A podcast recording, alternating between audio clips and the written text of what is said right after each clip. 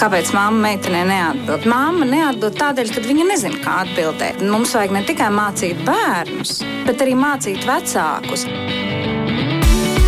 Skola un augšana, attiecības un sadzīve, fiziskā un emocionālā veselība.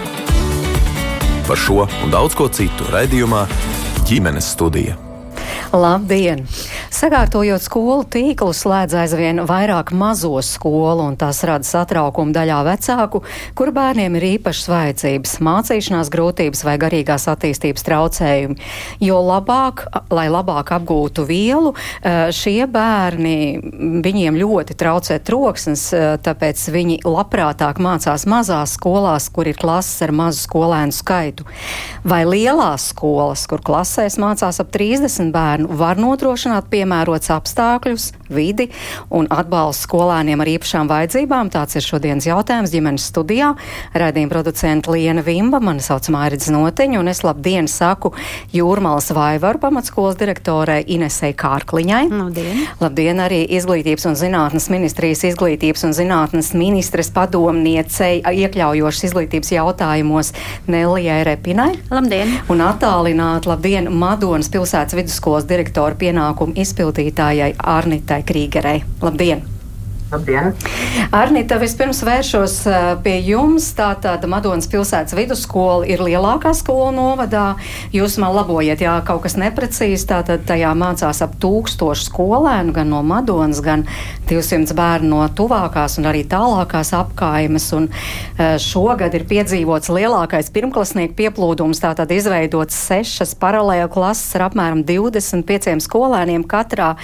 Tas ir pateicoties tam, ka daļa mazo skolu apkārtnē ir slēgts, vai ne? Jā, labdien, vēlreiz.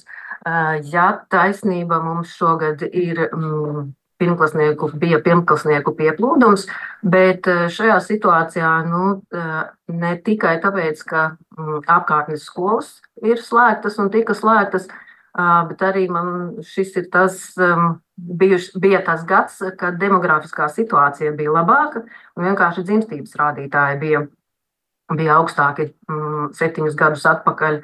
Un, jā, nenoliedzami pagājušajā mācību gadā tika slēgta Madonas tūmā Lasdonas pamatskola, bet nu, šis nevarētu teikt, ka tas noteica to pieplūdumu tomēr skolēnu skaita ziņā. Nu, bet tā kā jūs esat tiešām liela skola, tas nozīmē, jums netrūks nec skolotāju, nec atbalsta personālu. Nu, par to mēs nevarētu tā teikt, bet mēs esam uh, gana labi nodrošināti un gana laba un stipra ir atbalsta komanda. Protams, kā mēs būtu bijuši priecīgi un esam, būtu savā pulkā uzņemti, ja mums būtu vēl liekas un vēl kāds logopēds vai um, psihologs.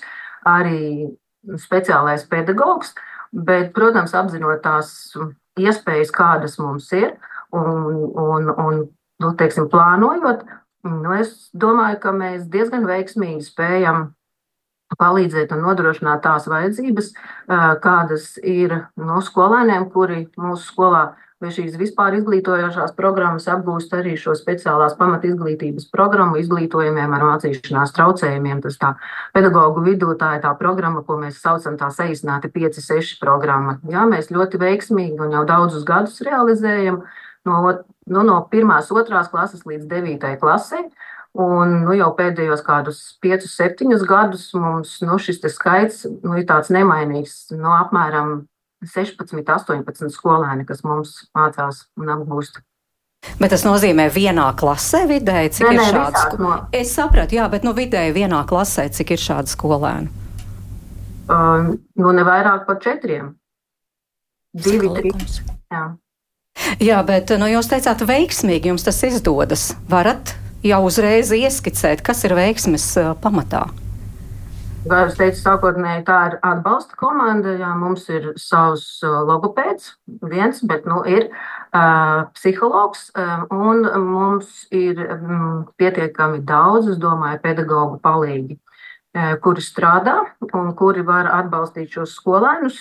Uh, Pirmajās, ceturtajās klasēs mums ir visā klašu posmā, pirmo klašu posmā ir viens pedagoģa palīgs, otro klašu posmā ir vēl viens pedagoģa palīgs. Trešajā un ceturtajā klasē ir līdzīgi. Un tajās klasēs, kurās ir šie skolēni ar mācīšanās traucējumiem, mēs varam nodrošināt pedagoga klātbūtni latviešu valodas un matemātikas stundās. Mēs, nu, zināmā mērā, nu, arī varējam ar šiem mācību procesa organizēšanas vai vidas pielāgojumiem, uh, svešvalodās dalot šīs lielās klases grupās, un līdz ar to arī vismaz viena stunda latviešu valodā un vismaz viena stunda matemātikā mums ir nu, teikt, pusgrupās, kas dod ļoti nu, labu tādu iespēju arī skolotājiem strādāt individuālāk, nu, sajust šo skolēnu vajadzības un tās spējas, nu, un, protams, pedagoga palīga atbalsts. Nu jā, droši vien arī par jūrmālas uh, vaivaru pamatskolu varētu teikt, ka jūs veiksmīgi integrējat skolēnus, kuriem ir īpašas vajadzības. Jo jūs jau pašā savā skolas programmā piedāvājat, ka tā tad ne tikai nodrošināt pamat izglītības programmu, arī uh, uzņemat izglītojumos ar redzes traucējumiem, ar, ar mācīšanās traucējumiem, garīgās attīstības traucējumiem, smagiem garīgās attīstības traucējumiem, citiem smagiem attīstības traucējumiem traucējumiem. Jā, tā ir. Bet es klausoties kolēģis runā. gribu piebilst, ka tas viss ir, tas viss ir lieliski, un jebkura skola varētu strādāt ar, ar parastiem uh, traucējumiem, kas ir nu, pieminēsim, 5, 6 programmā, līdz ko neparādās uzvedības traucējumi. Līdz tam brīdim viss ir lieliski. Bet zinām, ka piemēram, autiskiem bērniem sākuma posmā skolā bieži vien ir šie traucējumi. Tagad neiedziļinoties, kāpēc, kas mazinās vēlākos gados, ja rūpīgi ar šo skolēnu, ar viņu traucējumiem strādā ģimene, dažādi terapeiti, pedagogi. Bet tas pirmais posms ir, ir ļoti sarežģīts. Un tie uzvedības traucējumi ir tādi, kas ir tiešām traucējumi stundā, klasē. Jūs varat paraksturot to mazliet? Nu, piemēram, reakcija uz kādu skolotāju uzdevumu. Lido pa gaisu papīru, lido pa gaisu, ko esam piedzīvojuši, krokši, kliekšana, um, skraidīšana pa klasi, pat, pat varbūt tāds agresijas. Agresijas izpausme, uzbrukums klases biedriem. Tas viss var notikt stundā. Bet kāpēc? Jūs teicāt, neiedziļināsimies, nu tomēr kāpēc? Nu, tāpēc, ka, piemēram, jaunietis bērns jūtas satraukts tajā brīdī no tā uzdevuma, kas viņam tiek piedāvāts. Viņam tiek piedāvāts pārbaudas darbs, piemēram, tādā pašā izmērā kā visiem pārējiem uz sešām lapām. Nu, pieņemsim, es tagad fantazēju. Bet e, mēs to varam novērst tā, ka mēs viņam piedāvājam pirmo lapu. Viņš jau vienu lapu, kas tur ko neizdarīt. Viņš to lapu izpilda, skaisti noņemam to nost, iedodam nākamo. Un viņš priecīgs, ka viņš var lēnītē mierīgi to uzdevumu izpildīt. Bet, ja mums izdodas pieļaut tādu kļūdu, ka uzreiz viņš saņem, viņš var uzliesmot. Viņš var eksplodēt no tā. Tāpat viņus aizskar arī kādi trokšņi klasē.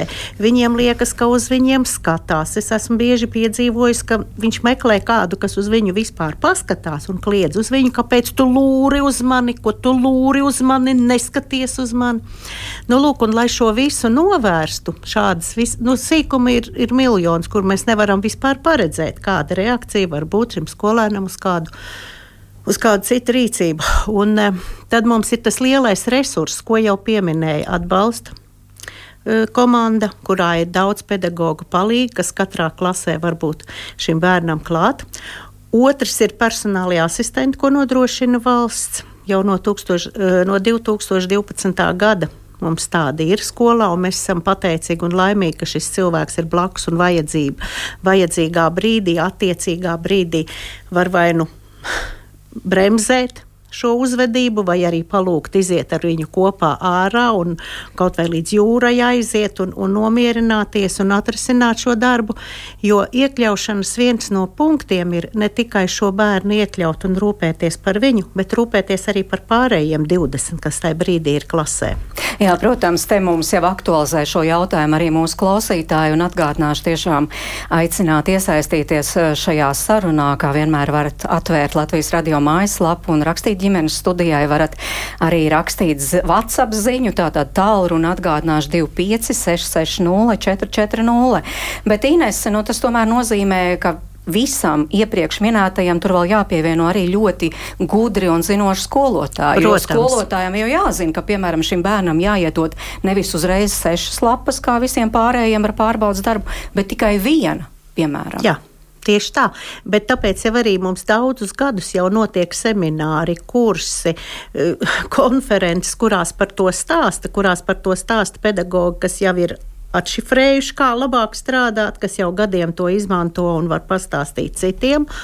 Un e, pasaules pieredze nu, nav tā, ka mēs esam iemesti ar šiem bērniem laivā un palaisti ūdeņos, dariet, ko gribat. Tā nav. Daudzus gadus jau mēs par to domājam, mācāmies un, un darām. Un arī mācāmies darot. Bet, Arnita, tad jūs nesaskaraties ar šādām situācijām, kuras tikko noraksturoja Ines, jo jūs tā ļoti uh, mierīgi un skaisti teicāt, ar visu, ar visu tiekam mierīgi galā, nav nekāda problēma.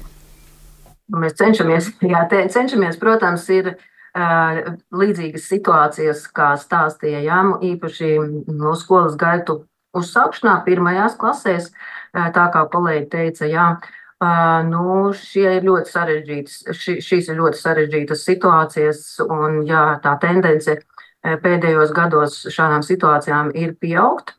Un, nu, tas ir ļoti, ļoti individuāls darbs. Ļoti daudz šajās situācijās ir jāstrādā ar vecākiem, skaidrojot un, nu, kā teikt, arī mēģinot no, no tādas medicīniskās puses, no pieredzes puses skaidrot par to, kāpēc tas tā notiek. Un te ir tādas nu, dažādas situācijas. Ja, ja vecāki no līdz tam skolas vecumam ir ieklausījušies, varbūt pirmskolas izglītības speciālistos vai ir apmeklējuši speciālistus, tādi ir tādi gadījumi, kad, nu, domājot par nu, skolas gaitu uzsākšanu, vecāki nāk un atklāti par to runā. Un tādos gadījumos ir ļoti, nu, kā teikt, viegli un ļoti arī, man liekas, jēgpilni sarunāt. Mēs izstāstām konkrētas lietas, kas ir tie riska faktori, vai varbūt kas ir tās lietas, ko mēs varbūt nevaram uh, savā skolā nodrošināt. Un, uh, līdz ar to mēs meklējam un sarunājam, sarunājamies par to, kas varētu būt nu, katram konkrētajam bērnam, uh, bērnam nu, um, labāks tajā situācijā. Savukārt, ja varbūt vecāki ir nu, domājuši un mēģinājuši, un viena daļa vecāku tā arī nu, dzīvo ar tādu domu, ka tad, kad beidzās pirmsskola un nonāks skolā, nu, kaut kas ļoti būtiski mainīsies, varbūt no vides un, un kopā ar šo nosaukumu skolēns arī mainīsies nu, šie sarežģītās uzvedības, un varbūt paradumi un ieradumi. Nu, tad šīs situācijas ir tās grūtās, lai sākotnēji nu, varbūt vec, vecāks arī nu, ieraudzītu reālo situāciju, saprastu reālo situāciju. Nu, tie ir dažādi tie procesi, kurus mēs izējām no noliekšanas līdz pieņemšanai. Un, un, un strādājot ar vecākiem, nu, jā, tā, tā ir tā, tāds kopīgs sadarbības darbs, milzīgs atbalsta personālam, klases audzinātājiem, mācību priekšmetu skolotājiem, iesaistoties skolas administrācijai nu, lai mēs varētu visi kopā apzinot tās iespējas, kādas skolai ir un to piedāvājumu. Nu, mēs mēģinātu Jā. parādīt, ka nu, tomēr nu, teiksim, varbūt nu, skolas maiņa vai, vai, vai cita vide varētu būt labvēlīgāka nekā šobrīd var būt esošana. Jā, Inês, ejam savu piebildi. Jā, es gribēju piebilst, ka bieži izskan teikums, lai taču šis bērns iet uz speciālo skolu, lai viņš tur dzīvo. Bet man gribas teikt, ka daudzi no šiem bērniem, ļoti, ļoti daudzi no šiem bērniem, īpaši, ja mēs pieminam autismu, ir ar augstu intelektu. Un pat gribas teikt, ar sevišķu augstu intelektu. Un, un skolotāju uzdevums ar šo bērnu strādājot, ir atrast tās šķautnes, kuras ir jau, jau iedzimti augstas un attīstīt, cik vien var viņu. Jo nu, mēs viņu atstājam parastajā programmā ar atbalsta pasākumiem. Tā ir 5-6 programma, ko vairumā gadījumu šiem bērniem piedāvā. Un tad ir milzīgs prieks, ka 9. klasē mēs kopīgi visi esam mācējuši šim bērnam apslāpēt viņa izpausmes, varbūt netik, netik patīkamās, un esam ieraudzījuši, ka viņš ir izcils matemātiķis vai valodnieks. Viņš jau 9. klasē zina divas, trīs valodas, kas nav mācītas skolā. Nu, tas ir tas lielākais prieks ar šiem bērniem strādājot un gandarījums, ja mēs to varam panākt. Nu, ne visām skolām acīm redzot tik labi izdevas, izdodas, jo, kā jau teica, jā, ka te mums tiešām klausītāji raksta, ka šis tiek darīts uz veselo bērnu rēķina Un uh, skolās, kur lielas klases, jā, tad tieši ir grūti mācīties tiem citiem bērniem, kuriem nav nekāda traucējuma. Vai izglītības un zinātnes ministrija tur rokas pulsu un tā kā a, zina par šo situāciju un spēja kaut kā izbalansēt un vērtēt to situāciju, lai būtu labi gan bērniem, kuriem jāiekļauj, gan pārējiem bērniem. Jā, izglītības un zinātnes ministrija tur rokas pulsa un es. Uh, Es, es kamēr jūs runājat, tik daudz ko pierakstīju, jau uh, ko teikt, bet uh, mums ir jāsaprot brīdī, kad mēs runājam par uh, bērnu ar īpašām vajadzībām, vecākiem. Mums ir jāsaprot, ka tur ir, uh, nu, ja tā rupji, tad ir trīs uh, tipa vecāki. Vecāki, kas apzinās problēmu un strādā pie tās, jā, un, un tādi vecāki ir ļoti nozīmīgs atbalsts gan izglītības iestādēji, gan, nu, kā, gan arī pašam bērnam. Uh, ir uh, vecāku grupu, nu, vecāki, kas. Uh, Viņi uh, pasaka, jā, manam bērnam ir problēma, bet uh, uh, nu, es tur neko nevaru darīt. Nu, tāds viņš ir. Un aptuveni tas darbs paliek reāli uz izglītības iestādi un speciālistam. Te ne, ne jau tāpēc, ka tas vecāks ir slikts, bet tāpēc, tas, tā, tā viņa izpratne, viņa, viņa uh, zināšanas, viņa pieredze. Jā.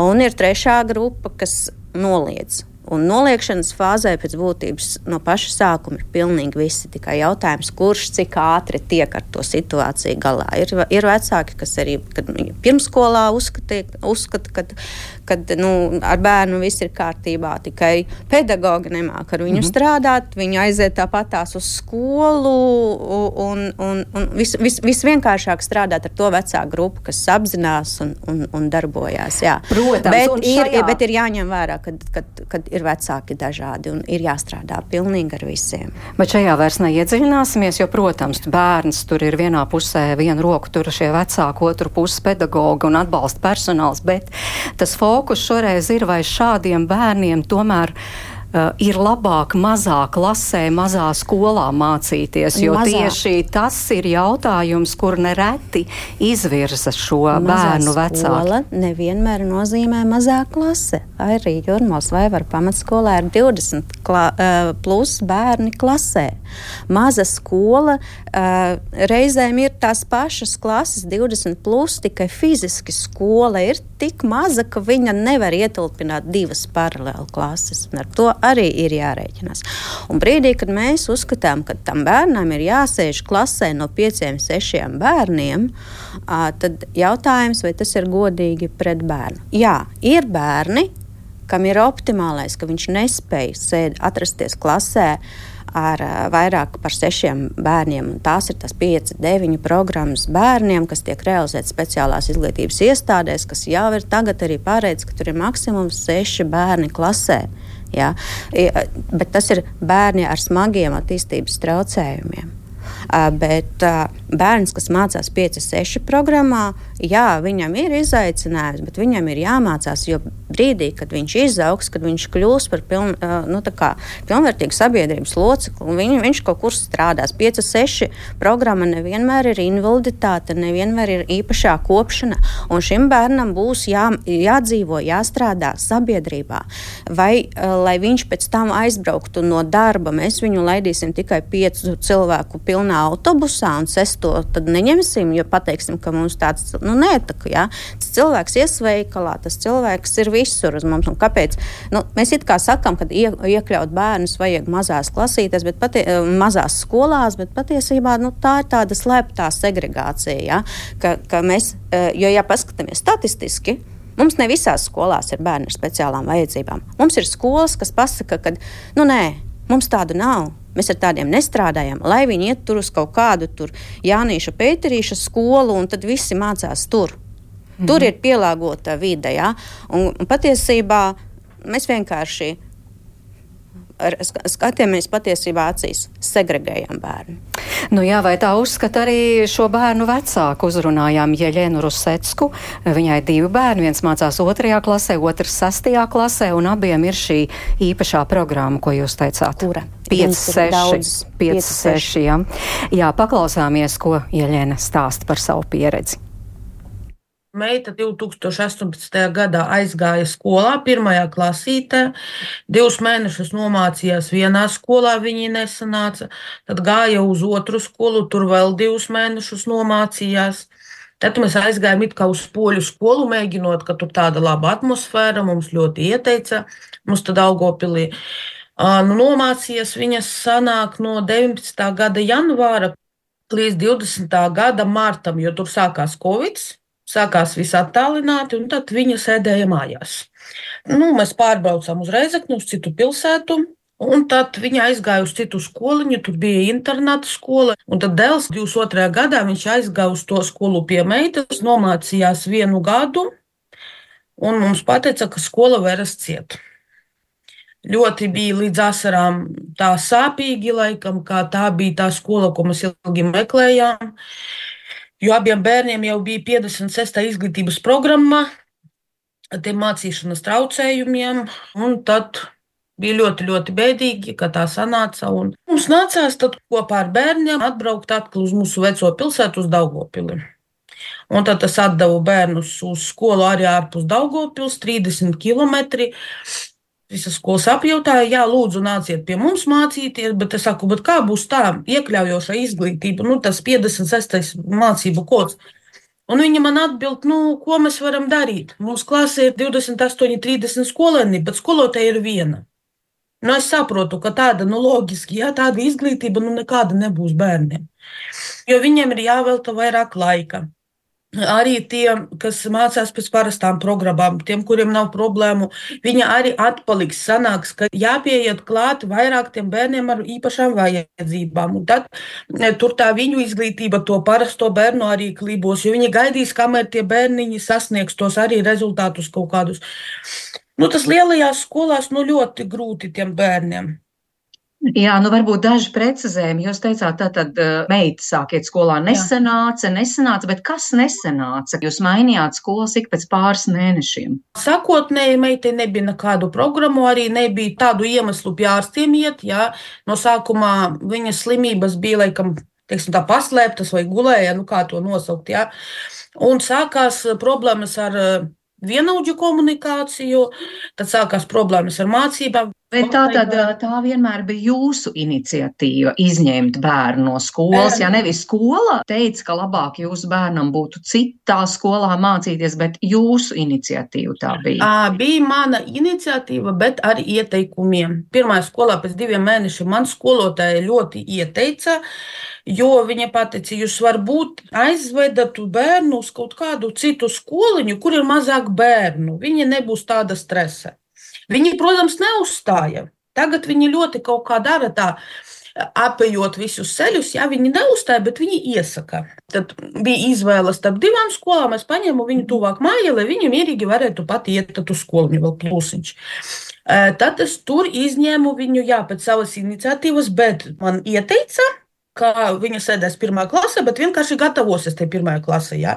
Nu, kā man bērnam paskaidrot, ka tu tagad sēdēsi pirmā klasē, bet tu nemācīsies ar visiem kopā kaut kādu stūrīti, sēdēsi, pildīsi uzdevumus. Jā, bet nu, tomēr jums ieteica iet uz mazāku skolu. Vai tomēr Jā. meita labāk jutās mazākā skolā, kur ir mazāk bērnu klasē? Kad mēs aizgājām uz to liepu pamatskolu, jā, tur, kur bija 10 vai 12 bērni klasē, viņi jūtās ļoti labi. Viņi atrada sev draudzenes, draugus, viņi ļoti gāja forši. Tur tāda forša skolotāja Viņa tur gan logopēds bija, gan speciālais pedagogs. Viņa ļoti daudz to paaugstināto kursu, jā, izņemot vienkāršo skolotāju sākuma skolas. Viņa ļoti patika. Un es redzēju, ka viņa tieši tā skola, kurā viņa jūtīsies ļoti labi. Bet tā bija skola tieši bērniem ar īpašām vajadzībām. Nē, Tā bija parastā skola. Tas bija Maltas vidusskolas struktūra vienība, Liepu pamatskola, bet tur bija iekļautas tās programmas. Tā kā mācījās gan parastie bērni, gan bērni ar programmu. Nu, bet tā tad šobrīd kādā skolā mācās jūsu bērni? Šobrīd mācās e, augstdaugos novada Bikirnieku pamatskolā man bērni. Tā arī ir parastā skola, tikai e, klasīte ir gan parastie bērni, gan ar spēcprogrammām. Liela skola, maza skola, kas tā par E, skolu? Viņa nav liela. Piemēram, dēlam viņš otrajā klasē, viņam mācās kādi arī 12 skolēni, meitai kādi 14, 15 laikam skolēni, arī mazās klasītes. Pēc manām domām, bērniem ir ļoti svarīgi, ka viņiem izdodas tas mācības, ja, lai viņš varētu mācīties. Un varat iedomāties, ja maz skolēnu klasē, tad skolotājs var veltīt katram bērnam laiku. Tas bērns nav pamests, viņš nejūtas atstumts. Tur tāda kā ģimene, tāda kā liela ģimene, un viens otru uzklausa. Viņi viens otram palīdz, viņi arī spēlēs. Nu, ļoti liela nozīme, kad klasīte ir maz skolēnu. Nu, bet tomēr saka, lielajā skolā tomēr ir pieejama kvalitatīvāka izglītība, vairāk atbalsta speciālists un tam līdzīgi. Tas jums nav svarīgi. Ir svarīgi, bet man ir svarīgi arī tā attieksme. Jo mūsu skolā man nav kā žēloties, sūdzēties. Mūsu skolā arī ir speciāli individuālais plāns katram bērnam. Ir skolas speciālists pedagogs, psihologs, logopēds. Stēcuros vēl kaut kāds speciālists bija. Nu, man tā attieksme, man ļoti attieksme patīk šajā skolā, gan tajā, kur mēs lietu pamatskolā mācījāmies. Tur arī bija programma pumpus, viņi gāja papildus, viņiem nodarbības bija visādi pulciņi. Te tagad arī viņiem ir attīstība, teiksim, tā ārpus stundām. Dažādi pulciņi, nodarbošanās. Jūs kā māmu satrauc tās runas, ka tomēr šīs mazās skolas būtu nu, katrā ziņā jāsamazina to skaits. Ļoti uztrauc. Jo es ļoti pārdzīvoju, ja nedod Dievs atkal mūsu skolā aizversies. Ja? Viņa pat nav pilsētas, viņa, teiksim, tā viņa arī laukos atrodas. Man arī ļoti tādas bažas, ka tomēr aizvest to skolu, un es tad viss man tad ro- rokas nolaidīsies, un es nezinu, kur tos bērnus likt. Jo es saprotu, lielajā skolā nebūs tā kā mazajā skolā. Man ir ļoti satrauc, es eh, katru ziņu, kad es lasu, ka tāda skola vairs ciet, tāda skola vairs ciet maziņa. Un man sāk, ziniet, tā kaut kur iekšā tā dvēsele laikam trīcēt, ka, nu, nedod Dievs mūsu arī aizvers skolu. Nu, lūk, ja Jēnas Ruseckas stāstu mēs klausījāmies kopā ar studijas viešņām, ar Arnitu Krīgeru no Madin, Madonas pilsētas vidusskolas, Ines Kārkliņu no Jūrmāls Vaivaru pamatskolas un Neliju Repinu no Izglītības un zinātnes ministrijas. Inese, mm, ko sadzirdējāt? Jo es vienkārši domāju par šiem bērniem un precīzi neizskaitīju, bet cik reizes jau ir mainīta skola, vai tas viņiem nāk par labu? Nu, noteikti nenāk par labu. Man prieks, ka tik zinoša mamma un tik ļoti ieinteresēta savu bērnu izglītībā, ka tiešām meklē šo skolu. Arī mums skolā ir bērni, kas nonākuši pēc vairākām skolām. Nu, Jūrmalī gara pilsēta un skolas ir iz, izkaisīts visā garumā. Eh, Es, es mazliet klausoties aizdomājos par citu.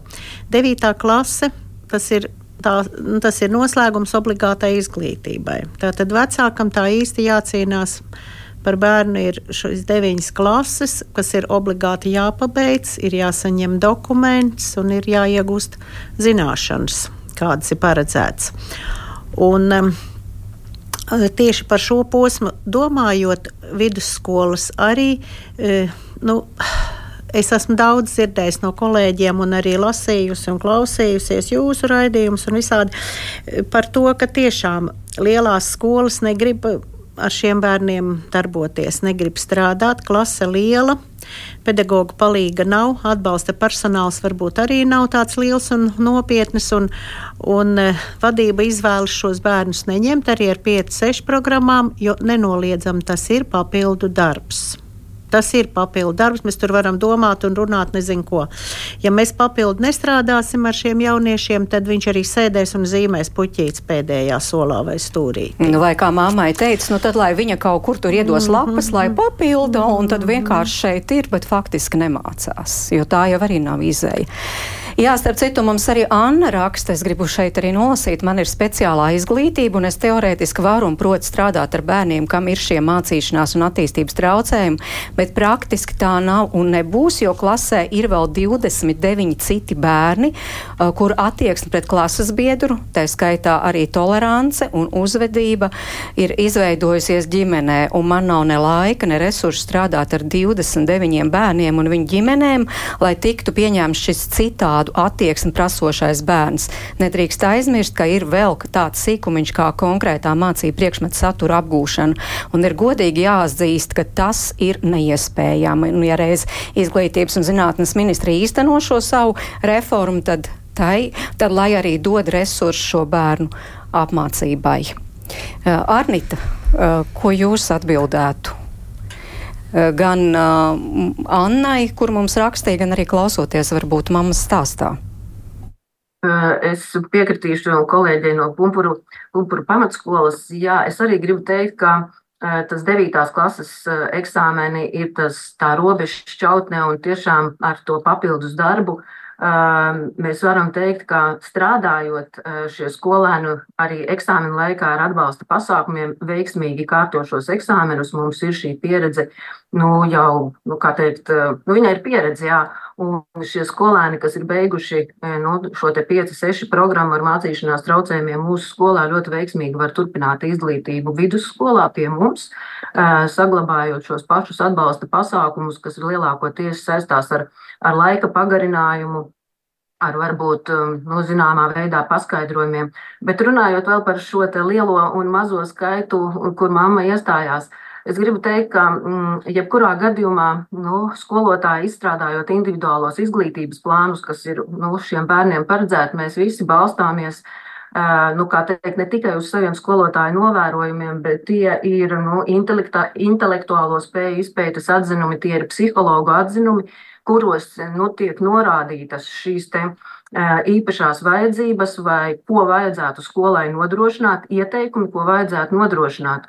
Un bieži vien nu, pētot šos bērnus, nu, pētot šos bērnus, šie psihologi arī nu, atzinumos ieraksta, ka viņiem ir vēlama nu, šī vide, kas ir mazāka, ar mazāk šiem kairinājumiem, ar bla, mazāk blakus efektiem. Un tad ir jādomā par to, vai skola tiešām ar, nu, tiešām ar 24, 25 skolēniem klasē to var nodrošināt vai nevar nodrošināt. Jo no turienes jau nāk šis arī ieteikums par šo te mazo vidi, e, par ko arī nu, mamma runāja. Ka, nu, ka mēs tur tā skolā tā īpaši, bet ja, ja šis ir uzrakstīts, tad nu, tas ir tikai godīgi par to runāt arī ar vecākiem, ja to, nu, teikt, speciālisti vai nu neiroloģis vai varbūt pat psihiatrs savos atzinumos pasaka. Nu jā, jo e, pat speciālists saka, ir tāds jēdziens bērni, kuri ar savu uzvedību reaģē uz apkārtējo vidi. Nu, viņiem tiešām tas svarīgākais aspekts ir tā apkārtējā vide. Uh, starp citu, vēl tāds no Pētera papildu jautājums izglītības zinātnes ministrijas pārstāvēja, kā viņi redz atbalsta speciālistu darbu skolā, ja mums ir 1200 skolēni un divi speciālie pedagogi, tad tieši kā? Kā tas ir iespējams palīdzēt šiem bērniem?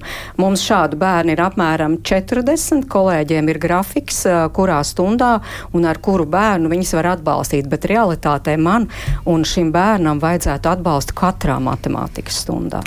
Uh, jā, un te ir tas stāsts par atbalsta uh, pasākumiem. Jā, un atgriežoties pie mammas stāsta, uh, prieks, ka viņa nonākusi skolā, kur viņai ir izstāstījuši par individuālo mācību plānu, jo 56. programma paredz, ka jebkurā skolā, neskatoties uz to liela, tā vai maza, bet jebkurā skolā šim bērnam ir individuālais mācību plāns. Uh, individuālo mācību plānu veido skola. Iesaistot atbalsta personālu. 56. izglītības programma paredz atbalsta personāla iesaisti bērniem. Tur ir gan uh, Pašlaik nav pedagoģa palīga, bet mēs gribam izgrozīt, lai tur ir arī pedagoģa palīgs. Jā, tur ir speciālais pedagoģis, skolotājs, logopēds. Uh, Tas ir pašlaik tie divi speciālisti. Mm -hmm. jā. Nu, jā, bet vai tie divi speciālisti 1200 skolā? No 1200 nav visi 56. programmas bērni. Tur ir jāsaprot, ka tur lielākā daļa bērni. ir, ir bērni normatipiskie un 40 no tiem ir, es nezinu, vai ar 5-6 programmu vai ar kādu vēl, jo katrai programmai tur ir. Uh, 57. piemēram, ir dotajā brīdī tikai psihologs. Un tur absolūti nav, piemēram, speciā, speciālā pedagoga un pedagoga, nu, tā kā, nu, tā kā logopēda arī. Ir citas programmas, kur arī nav, nav tas līdzsvars. Un, nu, dotajā brīdī mēs strādājām arī pie tā, lai būtu. Un, šī reforma ir paredz to, ka bērniem ar speciālās izglītības programmām tas atbalsts būs daudz nozīmīgāks nekā viņš ir pašlaik. Un uh, brīdī, kad es, es rēķināju atsevišķus piemērus ar atsevišķām skolām, nu, kā pie, pie manis nāk un mēs rēķinām, mēs saprotam, ka bērniem ar speciālām vajadzībām atbalsts reāli būs daudz uh, lielāks un nozīmīgāks. Kad tas būs? Uh, nu, tas ir tas finanšu modelis par kuru iet stāsts. Jā, bet, bet, lai runātu par finanšu modeli, tad jums ir jāsauc Edita Kanaviņa un Karina. Jā, mums turu. noteikti nebūs tik daudz jā, jā, laika jā, jā, jā, jā. iedziļināties. Jā. jā, bet, nu, piemēram, jums ir arī plāns izglītības zinātnes ministrijā, kā tad nodrošināt to vidi bērniem, kuriem tiešām traucē troksnis, kuri nu, nevar mums ir skola ar lielām klasēm dotajā brīdī, kam arī ir 20 plus bērni klasē, nu tad jūs ir iespēja paprasīt, kā tad viņi nodrošina uh, bērniem vidi, kas nevar uzvesties 20 plus bērnu klasē, jo vai var pamatskolā ir 20 bērnu klasē. Un Jā. ir bērni, kas uh, ir jūtīgi uz skaņām, un viņiem ir risinājumi. Ir, un risinājumi ir miljons, jo katram bērnam ir savs risinājums. Nedomājiet, ka mēs neesam lūzeri reizēm. Mēs tāpat zaudējām kādās cīņās, lai cik mēs daudz izmantojam metožu. E, ļoti bieži, ļoti bieži mums ir sarunas par vienu bērnu stundām ilgi, ko darīt un kā darīt un kā rīkoties un kā būt, lai būtu labāk. Un skolotāji ienāk un nolaiž rokas un saka, es vairs nesaprotu, ko darīt, lai es panāktu viņa uzvedību tādu klasē. Ir sarunas ar mammu, ir abi pedagogi, jo mums no pirmās līdz sastai klasē ir pedagogi palīgi, jo mēs redzam, ka šajās klasēs viņi ir nepieciešami. Un, Nu, jā, tas nav viegli, un metodas ir visdažādākās. Nu, katra... Piemēram, varat minēt kādu? Nu, tās pašas lāpējošās austiņas, kas daļai bērniem nostrādā. Jā, tā ir tāda vis, vis, visvienkāršākā, un jā. kādam ar to pietiek. Mhm. Jā, bet kādam varbūt ar to nepietiek, jo mēs klausāmies vēl vienu māmas stāstu. Tātad Beāte, uh, sešus gadus vecā Kārļa mamma, uh, bērns gan šobrīd iet pirmskolas izglītības iestādē, bet mamma patiešām ir ļoti nobežījusies, kas būs tālāk, kādā skolā varēs mācīties viņas bērns. Klausāmies. Nu, mana konkrētā situācija ir šāda. Mans dēls var turpināt uh, izglītību, apgūt uh, speciālajā skolā, vai es varu izvēlēties uh, otru ceļu, parasto skolu ar asistentu. Bet uh, jautājums ir par to, kur es šo asistentu dabūšu. Un, uh, ja es viņu dabūšu, vai viņš strādās par šiem 400, 500 eiro, un uh, kādi ir tie darba pienākumi. Ja man nav asistents, kas sēž blakus Kārlim, Viņam ir vajadzīgs asistents ne, ne, ne gluži aiziet kaut kur, bet apgūt vielu. Un tā situācija ir tāda, ka, ja man nebūs šī lauku skola, tad tā lielā pilsētas skola būs vēl vairāk piebāzta. Nu, es esmu strādājis pirmsskolā. Es mazliet zinu, kā ir, kad ir daudz audzēkņu, kad šis individuālais darbs nenotiek. Un nenotiks, ja būs vēl vairāk šie audzēkņi. Es uztraucos par to, ka Vai kādam būs tās 5, 7 minūtes parādīt ar pirkstu Kārlim, izlasīt, paskatīties? Es uztraucos par to, nevis par to, vai viņš aizies no viena kabineta līdz otram. Jo, piemēram, šobrīd Kārlim grupā ir seši bērni. Uz sešiem bērniem ir divas audzinātājas uz maiņām un aptuveni 3-4 terapijas, kurā katrā telpā ir savs pedagogs. Kur vēl Izņemot kaut kādās privātskolās vai privātajos bērngārzos, kur vēl šāda pieeja ir īstenojama, ja ne manā mazajā pirmsskolas izglītības iestādē, laukos. Protams, es esmu par mazām, jo problēmas cilvēkiem ar garīgu raksturu traucējumiem un ar invaliditātēm sākās ar to, ka ir šis lielais pūlis un sākās kaut kādas barjeras un komunikācijas barjeras un citas lietas, kas ir jau milzīgs faktors, kādēļ netiks sasniegts bērnu potenciāls, kur jau viena vide palīdzēs bērnam labāk attīstīties. Es jau redzu milzīgus soļus Kārļa valodas apguvē, valodas izpratnē, dēļ tā vien, ka viņam grupiņā ir seši bērni un ka katra audzinātāja var izpildīt šo individuālo darbu. Nu, man ir šāda iespēja uz tādu bērnu dārzu viņu aizvest, jo man viņš šeit ir. Un paldies Dievam, viņš vēl būs. Bet par skolu es, es, es nezinu. Jums ir padomā vismaz kāda skola, kur kaut vai teorētiski viņam būtu piemērota?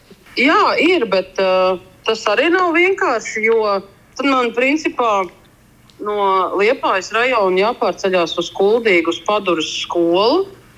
Nu, kas ir šīs skolas priekšrocības? Individuālais darbs ar bērnu, dzīves prasmju pilnveidošana, saudzējošāka vide, es teiktu tā. Bet tā, tā, tā ir privāta skola, pašvaldības skola? Tā ir pašvaldības skola. Liepājā tādas nav līdzīgas skolas. Liepājā ir viena skola, bet uh, nu, tur nebūs ne, ne saudzējošā vide, ne mazais bērnu skaits. Ir jau, protams, dažādas šīs speciālās skolas, bet tās jau arī tāpat kā parastās skolas ir piepildītas. Man ir šobrīd ļoti paveicies, ka man ir šāda mežupas skola, kurā ir ap simts bērniem, bet pirmskolas izglītības iestādē ir seši bērni. Es nezinu, vai Lietpājā kādā speciālajā bērnu dārzā ir seši bērni. Nu, lūk, Beata it kā vai vairāk nekā gads vēl priekšā, un tomēr tiešām ir ļoti nopietni jau domā, uz kuru skolu viņai vest savu bērnu. Protams, tā klausoties grūti saprast, bet Ines, ko jūs ieteikt par kādām lietām padomāt un ko ņemt vērā? Jo tas ir nopietni. Viņi ir atradusi skolu, kur ģimenei ir jāpārceļas būtībā no Liepājas uz pavisam citu pilsētu īstenībā, manuprāt, pirmo soli viņa jau ir spērus, ka viņa ir izvēlējusies vismaz aptuveni vienu vietu, uz kurienu viņa gribētu savu bērnu tālāk uh, vest izglītoties. Arī mums ir vecāki, kuri nāk, kad bērnam jau ir 4 un 5 gadi, un izpēta, ko mēs skolā viņa bērnam varētu dot. Kā mēs pastāstām, ko mēs gribētu, lai kādas darbības viņi veic pirms viņi nāk uz mūsu skolu, kas viņiem būtu jāsatiek, kādi terapeiti un jāpārbauda kādas lietas. Un tas ir tas būtiskākais, ka par to nākamo skolu domā jau laicīgi. Un skolu arī sagatavot tam. Es, piemēram, šobrīd zinu jau piecgadīgu bērnu, kas pošas pie mums pēc diviem gadiem, kāds viņš ir, kas ar viņu notiek, ko ar viņu vecāki jau, jau dara viņa attīstībai. Un, protams, ka šādi jau iepriekš sagatavojot visu augsni, gan, gan uh, skolā, gan arī mājās, ka attīstība būs un notiks. Nu, bet vai jūs visus varat paņemt? Piemēram, Edgars Nē. raksta, kāda ir Vaivar skolas kapacitāte, vai tiešām, piemēram, uh, varat visus paņemt, kuri nevaram, gribētu nevaram, pie jums nevaram. mācīties? Mēs jau esam daudzām klasēm pavilkuši svītru jau, jau oktobrī un pateikuši, ka visus to klasi vairs nē, jo nav kur galdu ielikt un, un skolotājs arī grib kaut kā pārvietoties normāli pa klasi, nevis spraukties starp soliem vai kā citādi, jo, e, kā jau iepriekš minēju, klasē atrodas divi pedagogi un Vēl ir asistenti. Citā klasē viens, citā divi, citā trīs. Dažādu iemeslu pēc vecākiem ir šī, šis e, īpašās kopšanas status un asistents pienāks. Un, un Bet asistents tātad drīkst piedalīties stundā. Jā, protams, jā? Tas nav tā, viņš... kā aizved tikai no klases uz klasi. Nē, nē, nē.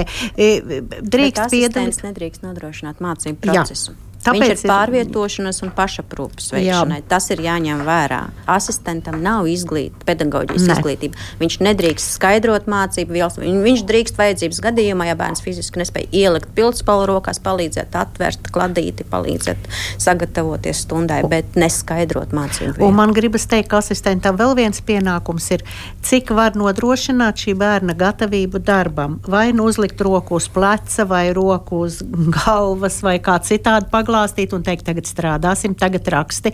Tas arī ir asistenta mm -hmm. pienākums, un kā lai viņš to veiktu, ja viņš sēdētu aiz durvīm un tamborētu. Viņš sēž tam bērnam blakus un redz, viss notiek, viņš arī var skatīties riņķī, bet līdz mm -hmm. ko ir nepieciešams atbalsts, tā viņš ar to darbojas. Bet jautājums tiešām, kāda ir šos labo skolu kapacitāti, jo es pieņemu, ka šo īpašo bērnu vecāku vidū jau nu, tā ziņa, ā, šeit šī skolā tiek galā, tā aiziet zibens ātrumā, un iespējams šāda ziņa arī par Madonas pilsētas vidusskolu. Vai jūs varat paņemt visus, ko, kuri grib pie jums nākt, jo tur jau arī klasē, kā jūs teicāt, nedrīkst būt vairāk, kā neatceros, cik šādi bērni. Bet uz neintegrētā.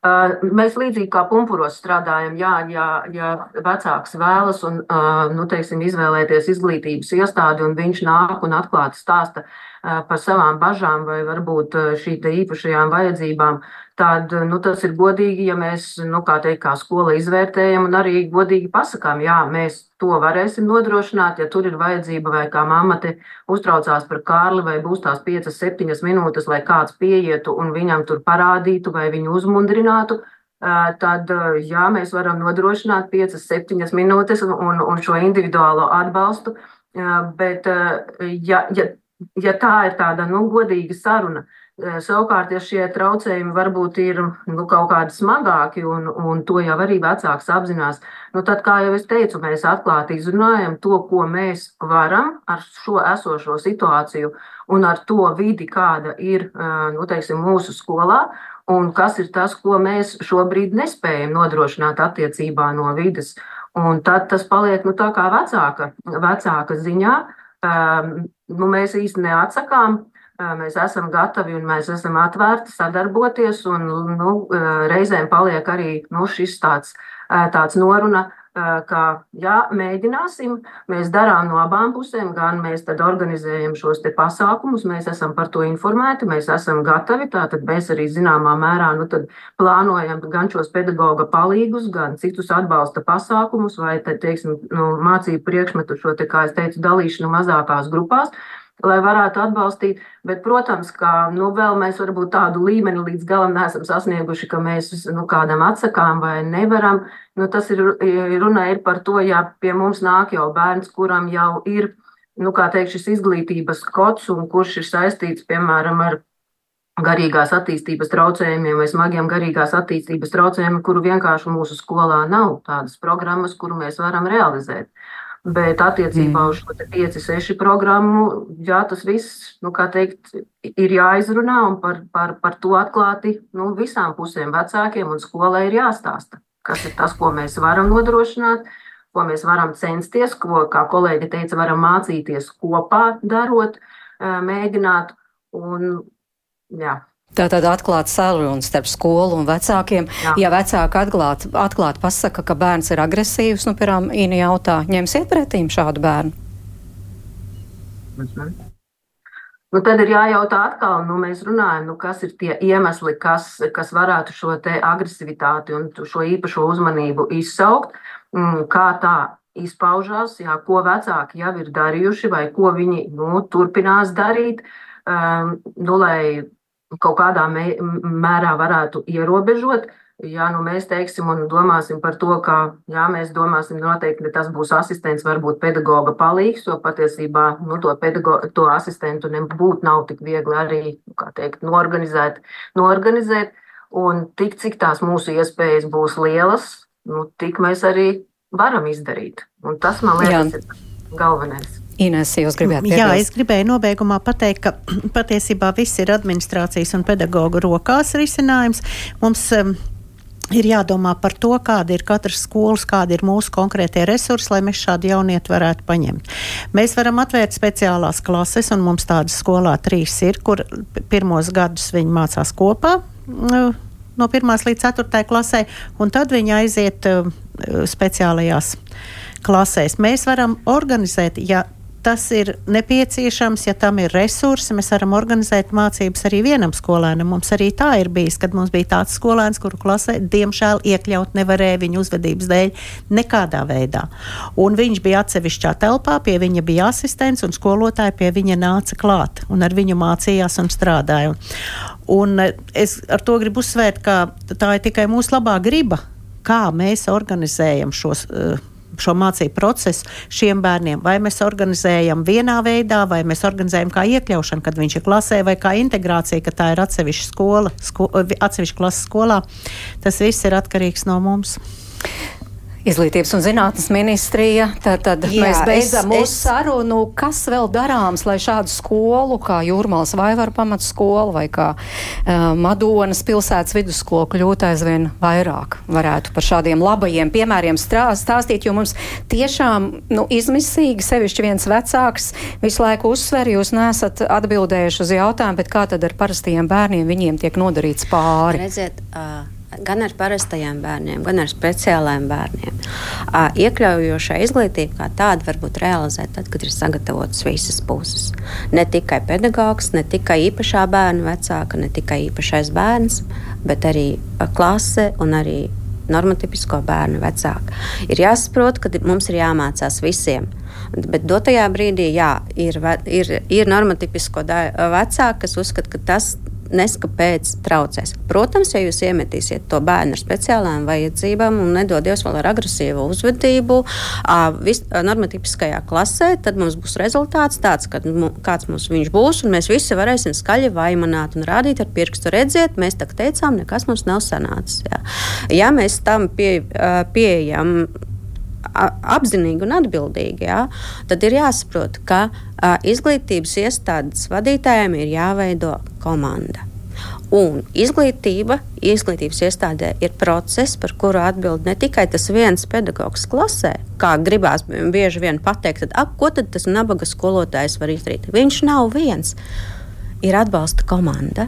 Mm -hmm. Tas nu, veiksmes stāsts ir iespējami tad, kad ir kvalitatīva atbalsta komanda. Un tas ir iespējams arī lielā skolā. Tas ir iespējams liels, arī lielā skolā skaitu. un ar lielu bērnu skaitu. Un uh, gribas noslēgt ar tādu īziņu, kur mums te uz WhatsApp atrakstīja Vācijā viena meitene ar autismu kļuva aktrise. Nu, lūk, tā man arī gribas šo sarunu noslēgt. Paldies uh, par piedalīšanos. Es saku Arnītai Krīgerei, Inesē Kārkliņai un Elijai Repinai. Paldies, ka atradāt laiku, atnācāt uz ģimenes studiju raidījuma producenta Liene Vimba, pie skaņu pults Kārls Rašmans un Toms Šits, un man sauc Mārits Noteņa, un tiekamies atkal rīt. Ceru uz aktīvu jūsu līdzdarbošanos arī mūsu rītdienas raidījumā, jo runāsim par to, ka bērnu vecāku uz ielas neredz dzird svešu cilvēku aizrādījumus, ka bērns uzvedas pārāk skaļi vai nepieņemami, ir saģērbts neatbilstoši laika apstākļiem. Kad tad paklusēt, kā pateikt, lai neaizvainot un kādos gadījumos tomēr klusēt nedrīkst. Par to mēs runāsim rīt. Paldies, ka klausījāties un lai jums laba diena!